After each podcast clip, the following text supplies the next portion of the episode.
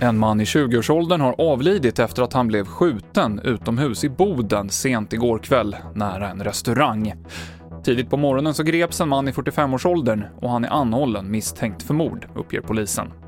I slutet av november löper permitteringsstödet på nio månader ut för företag som började permittera i mars. Och arbetsgivarorganisationen Almega säger att regeringen borde förlänga det här stödet, annars så riskerar många att bli arbetslösa.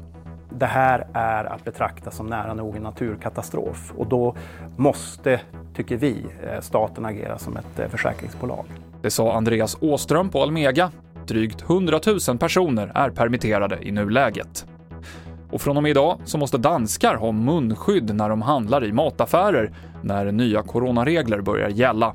Har man inte munskydd och vägrar att lämna butiken så riskerar man böter. Och munskyddstvånget gäller även bland annat i kollektivtrafiken och på restauranger och barer. TV4-nyheterna med Mikael Klintevall.